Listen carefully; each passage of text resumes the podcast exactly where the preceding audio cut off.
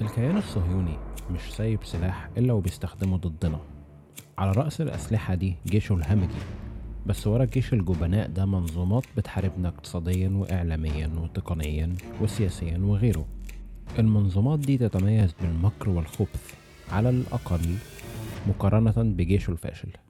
فهم المجالات دي الداعمة للكيان هو أمر مهم عشان نعرف نهاجمها. كل واحد فينا على قد ما يقدر وطبعا القدرة بتزيد مع الوقت.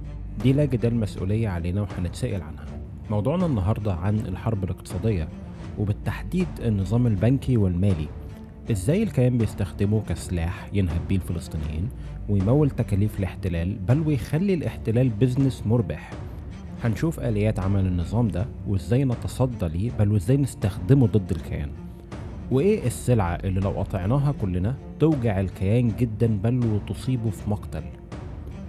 النظام المالي من وعد بلفور لحصار غزة موضوعنا على قهوة ساتوشي.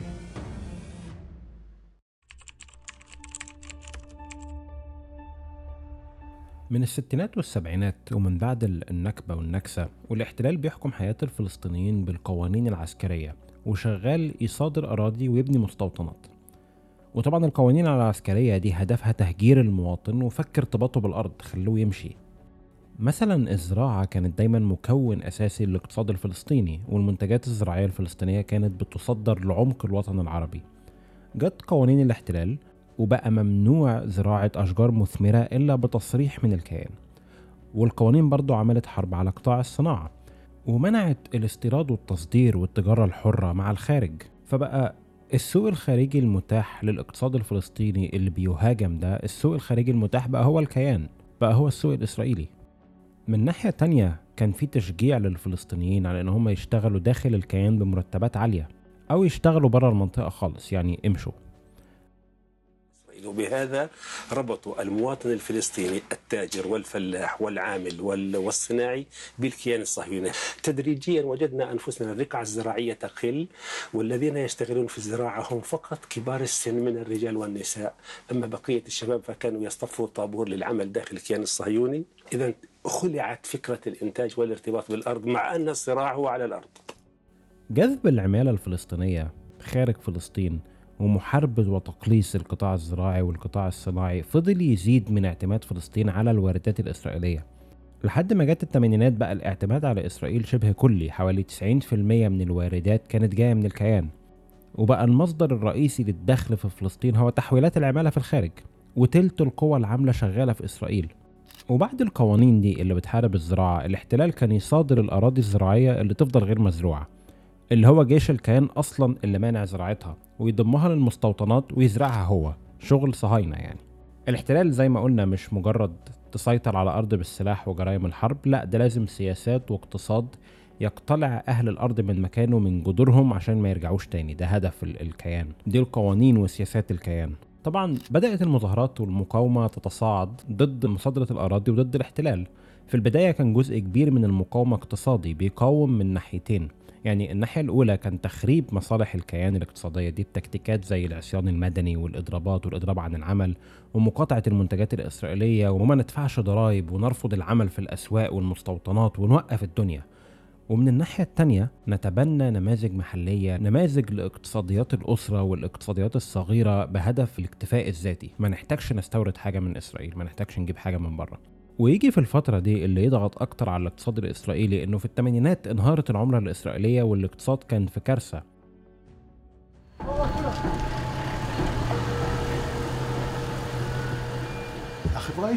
حتى الانتفاضة الفلسطينية الأولى كان المجتمع الإسرائيلي معتادا على الاعتقاد بأن الاحتلال يكلف ثمنا زهيدا فقط وبأن المأكولات في المناطق الفلسطينية شهية وأن أسعار السلع هناك رخيصة. وفجأة أصبح الاحتلال يكلف المجتمع الإسرائيلي ثمنا ماليا. وقد وقعت أحداث عديدة حاولت الأجهزة الأمنية معالجتها. وكانت الطريقة الأمثل لمعالجتها من وجهة نظرها تجميع أكبر عدد ممكن من الفلسطينيين والتحقيق معهم بالقوة. لمعرفة ما يجري. مع اعتداءات الصهاينة ضد التكتيكات دي المقاومة اشتعلت وبقت ثورة. وكانت طبعا بتقابل بالحديد والنار والقتل والاعتقالات مظاهرات قد كده وشهداء وبدأ إنك تحدف الجنود والدبابات بالحجارة ومن هنا جه اسمها انتفاضة الحجارة. وبعدها ولدت حركات الجهاد والمقاومة المسلحة. ثورة شعبية على الكيان المحتل كله شارك فيها أكتر من نص مليون فلسطيني في غزة والضفة والقدس. والكيان جاب عشرات آلاف الجنود ضد الانتفاضة والجنود دول بيستعملوا أساليب الصهاينة المعتادة من تفجير بيوت للتنكيل بالفلسطينيين وتكسير عظمهم. في السادس والعشرين من فبراير شباط عام 88 قام الجنود الإسرائيليون بتكسير عظام وائل جودة وابن عمه أسامة. الانتفاضة دي عملت مشكلة كبيرة لإسرائيل لأنه في الأول كان الاحتلال مربح اقتصاديا ونسبيا مريح يعني الكيان بيستغل موارد الأرض الفلسطينية بتكلفة رخيصة وبياخد عمالة رخيصة وبيلم ضرايب وكله تمام وقاعد بيصادر في الأراضي. وفي نفس الوقت كان في اعتقاد كده إسرائيلي أمريكي من إدارة كارتر إن لو خلينا المواطن الفلسطيني معتمد ومرتبط اقتصاديا بالكيان فده هيقلل المعارضة ويقلل المشاكل ويخلي الشباب الفلسطيني ينسى الأرض ويركز في الشغل. الانتفاضة حتى فلو فشلت في إنها تحقق استقلال حقيقي للفلسطينيين بس هي قلبت المعادلة دي تماما على دماغ الكيان لأنها خلت الاحتلال موضوع مكلف جدا.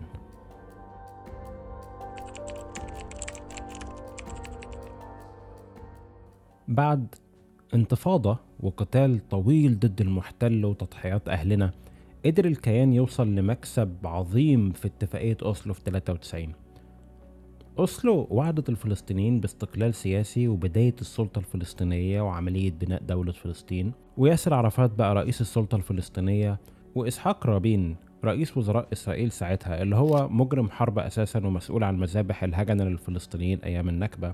هو وياسر عرفات أخذوا جائزة نوبل للسلام.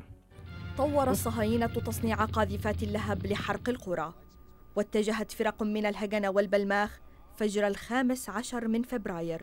لتنفيذ تجربة عملية لطرد الفلسطينيين.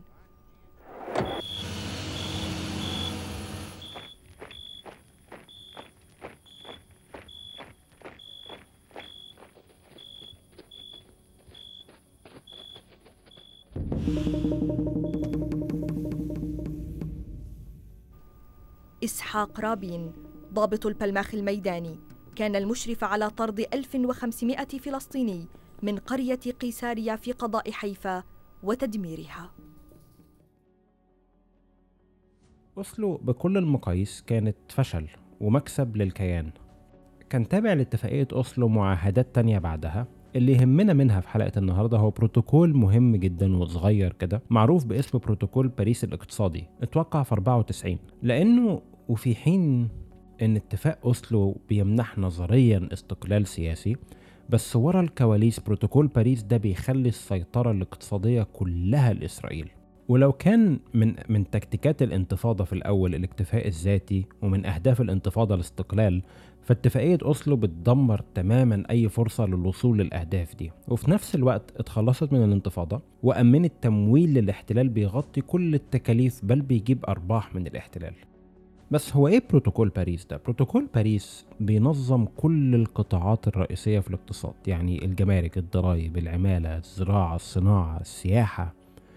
وجوهر البروتوكول ده أساسه هو إنه بيدخل اقتصاد فلسطين كله كمجرد مكون من اقتصاد إسرائيل. بيدي الكيان سلطة التحكم التام في الاقتصاد الفلسطيني. يعني مثلا من أهم بنود الاتفاقية دي إن الفلسطينيين لا يكون ليهم بنك مركزي ولا عملة خاصة. الشيكل الإسرائيلي هو عملة رسمية مقبولة من كل الجهات والمؤسسات المحلية. والفلسطينيين غير مسموح ليهم إن هم يعملوا عملتهم الخاصة ولا يعملوا بنك مركزي ليهم إلا بعد التحدث والاتفاق مع الجانب الإسرائيلي.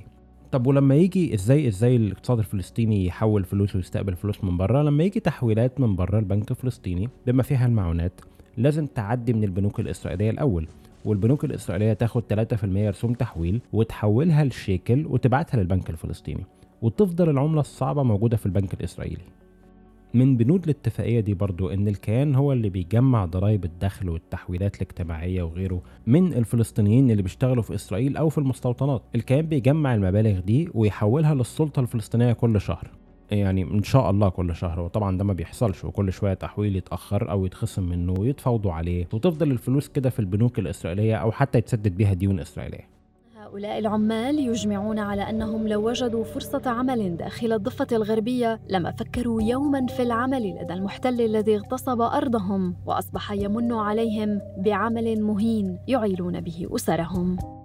الصادرات والواردات مثلا وكمياتها كلها تحت الرقابة الإسرائيلية وإسرائيل تتحكم بكل الحدود والمعابر وهي اللي تجمع الرسوم والضرائب والجمارك على السلع اللي داخلة واللي خارجة وطبعا السلع اللي خارجة واللي داخلة دي واللي طالعة في التجارة دي تتسرق وتتعطل بالشهور وتترفض في حين إن السلع الإسرائيلية المقابلة بتعدي زي الفل ومعلهاش حاجة.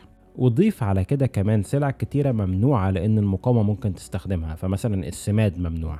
القرار ده بيطبق في كل الأراضي الفلسطينية وفي غزة بيطبق بالتنسيق مع الحكومة المصرية في معبر رفح. طبعا لو أنت دلوقتي بتقول إزاي ده يعني؟ يعني إزاي يقبل المفوضين الفلسطينيين بالبنود دي؟ مين المجنون اللي وافق على الكلام ده؟ وسواء عن اتفاقية أوسلو أو اتفاقية باريس فسؤالك في محله تماما. بس هنقول إيه؟ ما حدش بياخد جايزة نوبل للسلام ببلاش. هذه الاتفاقية وقعت وصيغت دون علم الفلسطينيين باعتقادي أنهم وقعوا عليها دون أن يقرأوها. لا يمكن لعاقل أن يوقع اتفاقية أوسلو إذا قرأها. هي اتفاقية ترفع الأعباء كاملة عن الاحتلال وتحمل السلطة الفلسطينية كل التبعات والأخطر من ذلك أن هذا يسمى حكم ذاتي. أنت قبلت ووقعت على أنك جزء من دولة إسرائيل. استطاعت إسرائيل أن تصطاد آه، صيدا ثمينا بأوسلو فهذه حقيقة لأنها سخرت أوسلو ليكون اتفاقية أمنية واتفاقية اقتصادية لصالح الكيان. إضافة إلى تضييق حياة السكان في ظل اتفاق أوسلو بشكل غير مسبوق وخاصة اقتصاديا والعمل في داخل إسرائيل. طبعا بعد مرور كل السنين دي أوسلو انتهى من زمان وفشل ومفيش استقلال بس اتفاقية باريس دي شغالة زي ما هي لحد النهاردة مع إن تأثيرها مدمر وشديد.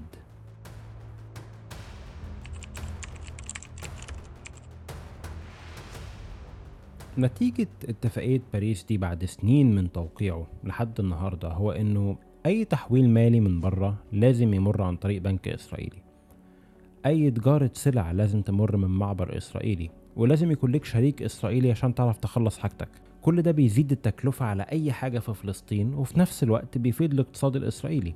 لدرجة إن الأسعار في الأراضي الفلسطينية هي ضعف الأسعار في الكيان لنفس السلعة. يعني هي نفس السلعة ونفس العملة بس الأسعار في الأراضي الفلسطينية ضعف الأسعار في الكيان. بس لما البضائع الإسرائيلية بتكون في الأسواق أرخص والبضائع اللي عندنا ضعف السعر ضعف أضعاف.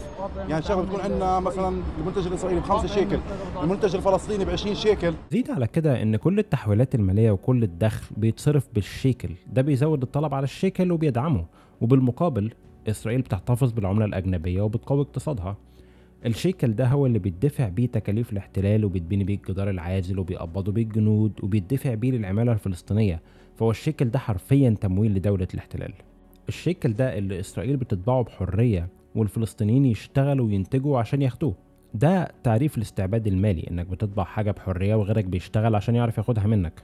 وال... والنظام ده الكيان استغله لأقصى درجة. كمية الشيكل اتضاعفت 14 مرة من سنة من سنة 94 التضخم الناتج عن كمية الشيكل تتضاعف كده. التضخم الناتج ده اللي شال نصيب الأسد منه الفلسطينيين. فالفلسطيني ما يقدرش يحوش ومستوى معيشته في النازل ويبقى عليه ديون قد كده يقعد يتداين من البنوك عشان يعرف يمشي حاله. ما عندوش سوق عقارات ولا سوق أسهم يعرف يستثمر فيه. قاعد بيشتغل أكتر وأكتر بس عشان يفضل على وش المية كده. لأن كل مجهوده بيتسرق من الاحتلال. العملة عمالة تفقد قيمتها. فوق النظام الخبيث ده البنوك الإسرائيلية بقت كمان بترفض تستقبل الشيكل من البنوك الفلسطينية وعاملة أزمة تكدس شيكل اللي هو أصلا مصدره العمالة الفلسطينية اللي شغالة في إسرائيل. ومصدر العملة هو البنوك الإسرائيلية والمسؤول عن إصدار العملة هو البنك المركزي الإسرائيلي. فيعني الشيكل اللي بيمول الاحتلال ده الاحتلال أصلا هو اللي بيصدره بالنسبة للصهاينة ورق. آه، إحنا اللي طابعينه. ومش هنقبله منك وبل واشرب ميته وكمان ملكش عملة خاصة برضه ولا ليك بنك مركزي وهو كده واللي عندك اعمله. وترفض إسرائيل بين الحين والآخر استلام مليارات الشواكل من السلطة الفلسطينية بذرائع مختلفة أو كإجراء عقابي ضدها. وافتكر حتة تكدس الشيكل دي عشان هنرجع لها بعد شوية. طب وتحويلات الجالية الفلسطينية من حوالين العالم؟ كل التحويلات المالية الشخصية من بره لازم تعدي على Western Union وبقى عليها قيود شديدة ورسوم عالية من كل بنك بتمر بيه ومن Western Union نفسهم. ده غير الرشاوي المطلوبة للسلطة الفلسطينية أو لا للسلطة الفلسطينية عشان أنت تعرف تاخد المبلغ ده المستفيد يعرف ياخد المبلغ ده. وإلا يبلغوا إسرائيل إن ده تحويل مشبوه والتحويل ساعتها هيتوقف. ولو المبلغ أكتر من 10000 دولار فهو الموضوع مستحيل كده كده. وأصلا اللي مرسل ليك المبالغ دي من بره هيتعرض لمضايقات وتجميد حسابات ومشاكل. من آثار الاتفاقية دي بعد كل اللي شرحناه ده إن قطاعات الزراعة والصناعة انكمشوا جدا. معظم دخل السلطة الفلسطينية دلوقتي جاي من تحويلات الكيان هو اللي بيتحكم فيها. اقتصاد الكيان من بعد الاتفاقية ازدهر جامد وكان مستمر في الازدهار مقابل الناحية التانية مستوى المعيشة الفلسطيني انخفض لقرب النص بس في 2008 نختم النقطة دي عن سلاح الاقتصاد قد إيه قوي. نختمها بوثيقة سربتها ويكيليكس من سفارة أمريكا بالكيان وفيها المسؤولين الإسرائيليين بيقولوا هدفنا إن إحنا نخلي اقتصاد غزة شغال على أقل مستوى ممكن يدوب يتفادى وقوع كارثة إنسانية.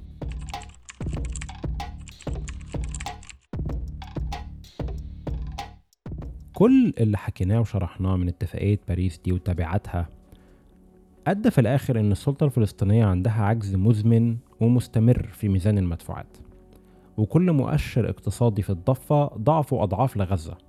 في العادة لو دولة عندها عجز فالحكومة بتخفض قيمة العملة أو بتسحب من الاحتياطي النقدي بتاعها أو بتاخد قروض تقترض من بره بس الكلام ده مش متاح في فلسطين لأنه لا في عملة ولا في بنك مركزي ولا في احتياطي وهي دولة محتلة فما فيش قروض. إنما في منح ومعونات اقتصادية. في الحقيقة نصيب الفرد الفلسطيني من المساعدات هو ضمن الأعلى في العالم.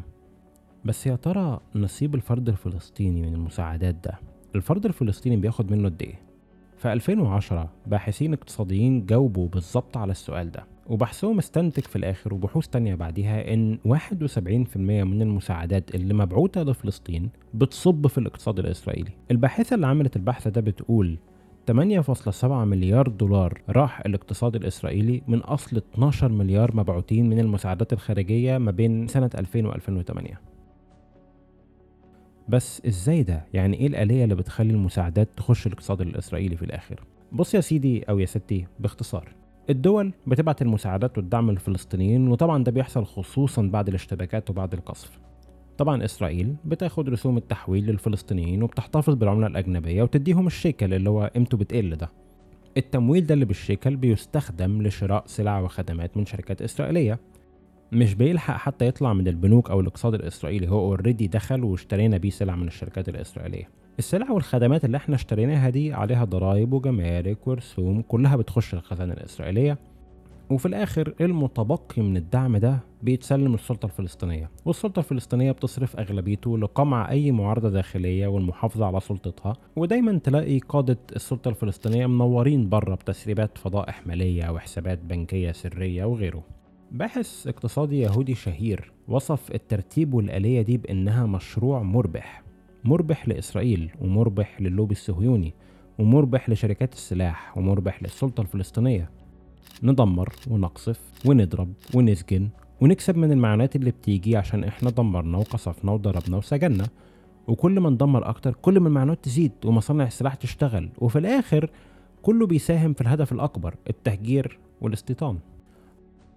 مؤخرا في الأحداث الأخيرة خرج الخرفان بايدن بعد ما سلم قنابل لإسرائيل وأسلحة اللي كان منها اللي اتقصف بيها المستشفى المعمداني. خرج الخرفان بايدن ده يقول إحنا بندعم الشعب الفلسطيني وهنبعت مساعدات بقيمة مش عارف الرقم اللي قاله كان 800 مليون ولا أيا كان الرقم اللي قاله. وإحنا عندنا آليات عشان نتأكد إن الحاجات دي ما توصلش لإيد أي مقاومة أو أي حد. والحقيقة الآليات دي زي ما انت دلوقتي فاهم بقى لما تسمع كلمة زي كده من أي حد يقول لك هنبعت معونات انت فاهم في الآخر المعونات دي بتروح فين وبيتعمل بيها إيه؟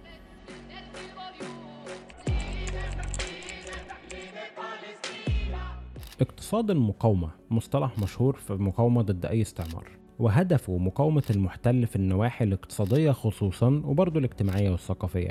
يعني غير المقاومة العسكرية لازم يكون أكلك ودخل اقتصادك ودوائك وصناعتك وتعليمك وإعلامك وغيره لازم يكون كله خارج سيطرة الاحتلال وإلا فموقفك بيكون أضعف وأضعف ويكون أسهل الضغط عليك والتحكم فيك. والكيان مدرك ده تماما ومش بيدخر أي جهد في أي ناحية من دول. ده جزء من أسلوب عمل الكيان بيقعد سنين يشتغل وينخور ويحفر ويضعف أساسات عدوه زي الكائن الطفيلي كده بعدين يضرب ويقعد يشتغل تاني وهكذا. وده المقصود باقتصاد المقاومة وهو اللي شفنا بوادره قبل اندلاع الانتفاضة الأولى. وشفنا إزاي الاحتلال حاربه باتفاقية باريس. يمكن اللي اتغير من زمن الانتفاضة في الثمانينات هو دخولنا العصر الرقمي والقطاع الرقمي ده بقى جزء رئيسي من اقتصادات الدول حوالين العالم. ولحسن الحظ العالم الرقمي ده لا بيشوف حدود دول ولا لازم يعدي من معبر. وفوق كده هو بقى جزء رئيسي من أي حرب سواء في أرض المعركة أو بره أرض المعركة. لما بنتكلم عن سلاح النظام المالي والبنوك والعملة في العصر الرقمي فبيتكوين من أهم أدوات المقاومة لأنها بتخليك تتخطى العملة والنظام البنكي كله. الاقتصاد الرقمي مش بيشوف حدود آه بس حركة الفلوس في البنوك بالتأكيد بتشوف حدود. وبالفعل عدد متزايد من الشباب الفلسطيني بدأ يستخدم بيتكوين عشان يعدي كل النظام البنكي وكل السلطات الفاسدة وسلطات الاحتلال وكل الرشاوي وكل الكلام ده كله لأنه بيطلع كل الوسطاء من أي تحويل فلوس. لما بتحول فلوس من حد لحد حوالين العالم لا في بقى لا بنوك ولا رشاوي ولا سلطة فاسدة ولا تحكم احتلال. من سنتين في حد في غزة وصف البيتكوين بأنه معبر دايما مفتوح. استخدام البيتكوين مش منتشر جدا بس منتشر كفاية لدرجة إنه في الأحداث الأخيرة دي الكيان الصهيوني طلب من منصة باينانس المشهورة تجميد الحسابات الفلسطينية. وده بيوضح اولا إن تأثيرها بدأ يبان وإن استخدامها بدأ يزيد. وثانيا طبعا الأهم إن هو بيوضح إن أهمية إنك تستخدم الأداة دي بشكل صحيح. تتعلم إزاي تتعامل مع الشبكة بشكل مباشر وإنك لا تتعامل ابدا مع المنصات دي. يعني بيتكوين بتشيل الوسيط. تقوم أنت رايح مدخل وسيط تاني. وبيتكوين مش بس تحويلات بدون إذن ولا تدخل من حد. ده كمان عملة صعبة محدش يقدر يطبعها أو يستغلها ضدك محدش يقدر يصادرها منك. وهتستمر لأنها عملة صعبة. هتستمر قوتها الشرائية في الزيادة أمام الشيكل وأمام الدولار وأمام كل العملات التانية. جزء رئيسي من اقتصاد المقاومة هيكون تعلم إزاي تستخدم الأداة دي بشكل صحيح.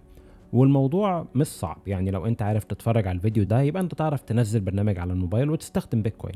والمصادر والشروحات والفيديوهات والمقالات كلها موجودة على الإنترنت بالعربي ومجانا. غير إنك تكون مدرك إن الأداة دي موجودة الجزء التاني هو استخدامها وزيادة التوعية بيها. لازم تعلم غيرك إزاي يستخدمها وبالتدريج الاقتصاد كله يتنقل ليها.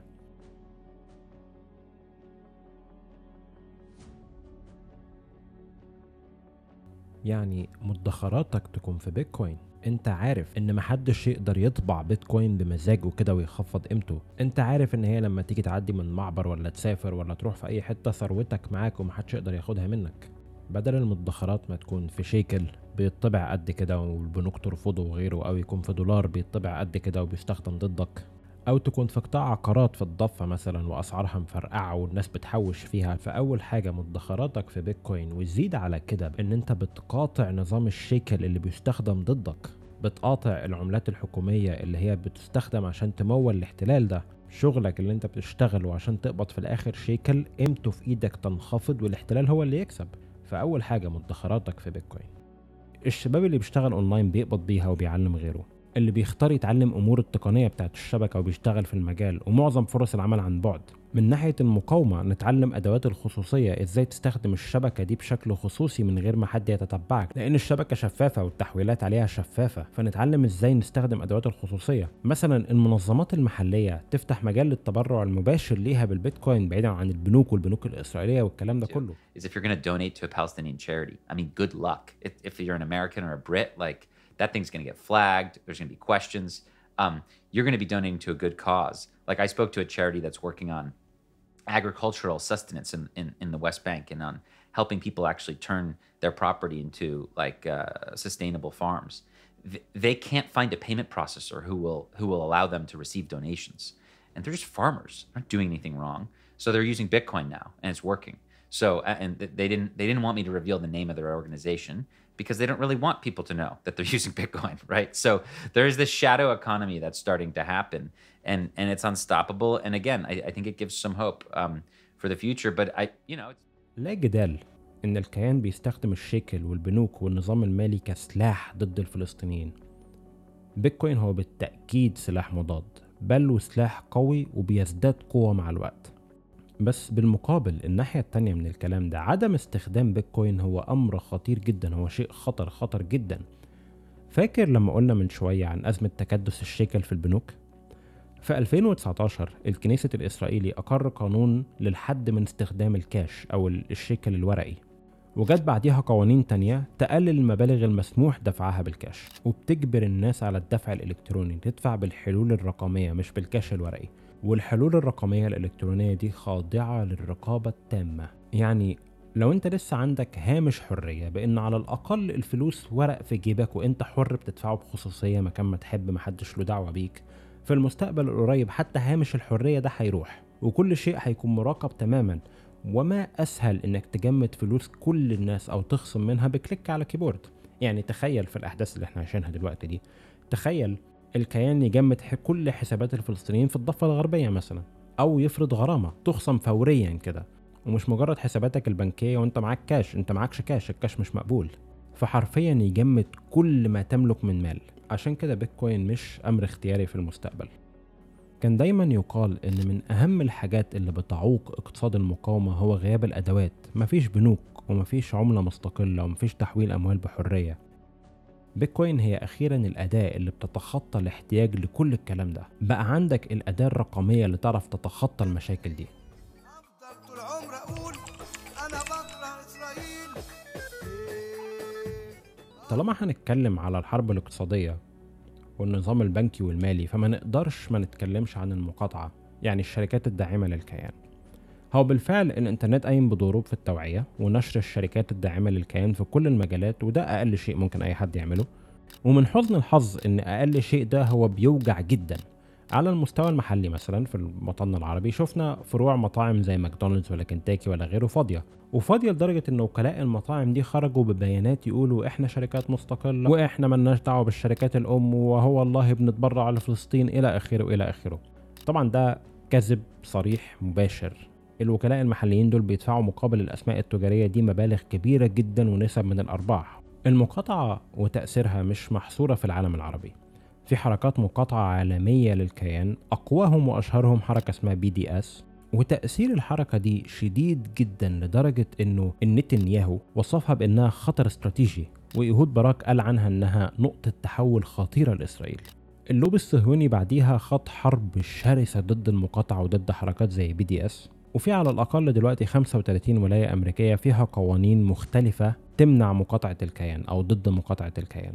ده مدى قوة المقاطعة وخطر المقاطعة على الكيان الصهيوني.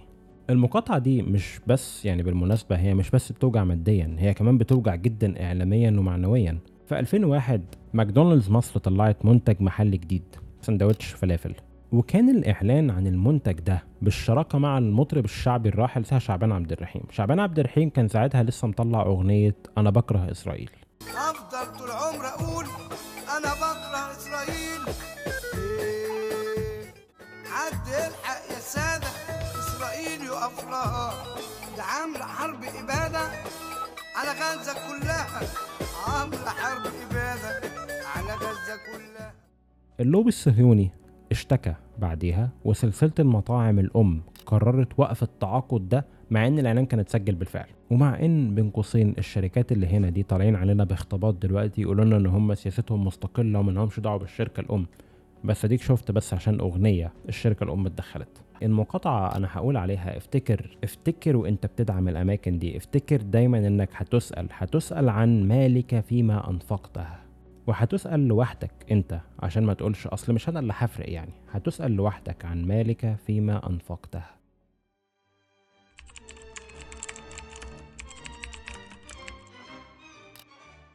من قبل أكتر من قرن عيلة روتشايلد كانت من أهم الداعمين والممولين لولادة الكيان الصهيوني. وعد بالفور كان أصلا رسالة موجهة من وزير الخارجية البريطانية ساعتها أرثر بالفور كانت رسالة موجهة للورد روتشايلد.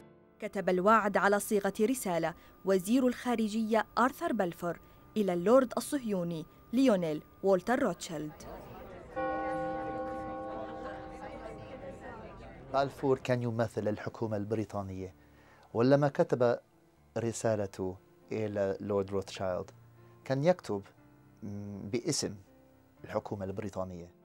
نفس العيلة دي عيلة روتشايلد كانت من أهم عائلات البنوك في العالم والمؤسسين للنظام المالي الحكومي. النظام ده اللي هو مول الحروب العالمية وخرج منه الكيان الصهيوني وما زال النظام بيمول الكيان ده لحد النهارده وهو نفس النظام اللي أمريكا دمرت عشانه العراق عشان تحافظ على النظام ده وهو نفس النظام اللي بيغرق البلاد في الديون وينهبها ويتحكم فيها تماما. هي مش صدفة إن الحروب العالمية الكبيرة جت في عصر نظام المال الحكومي. وجت بعد فصل المال عن العملة الصعبة عن الذهب ساعتها. قبل كده كان دايما تمويل أي حرب له حدود يعني عشان تمول حرب حدك الضرائب ومخازن الذهب في بلدك والحرب غالية ومكلفة جدا.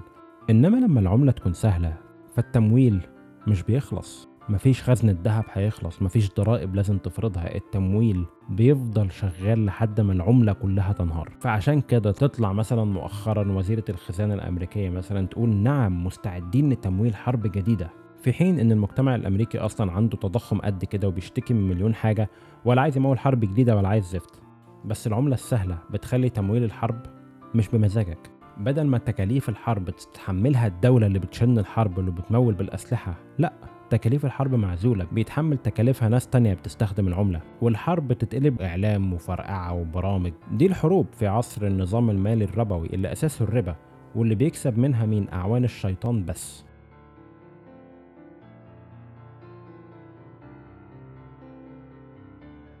لكن لأن الحكومات تستطيع أن تمول نفسها من التضخم فهي تطبع النقود وتقوم بالحرب ومن ثم الشعب المغفل لا يرى سوى التضخم وهو لا يربط بين التضخم الذي يعاني منه وبين الأشياء المجرمة الغبية التي أنفقت عليها الحكومة. لأن طبعا التعليم في المدارس وفي الجامعات آه، لا يركز على أن يجعل الشخص يفهم هذه الأشياء لأنه من المهم جدا.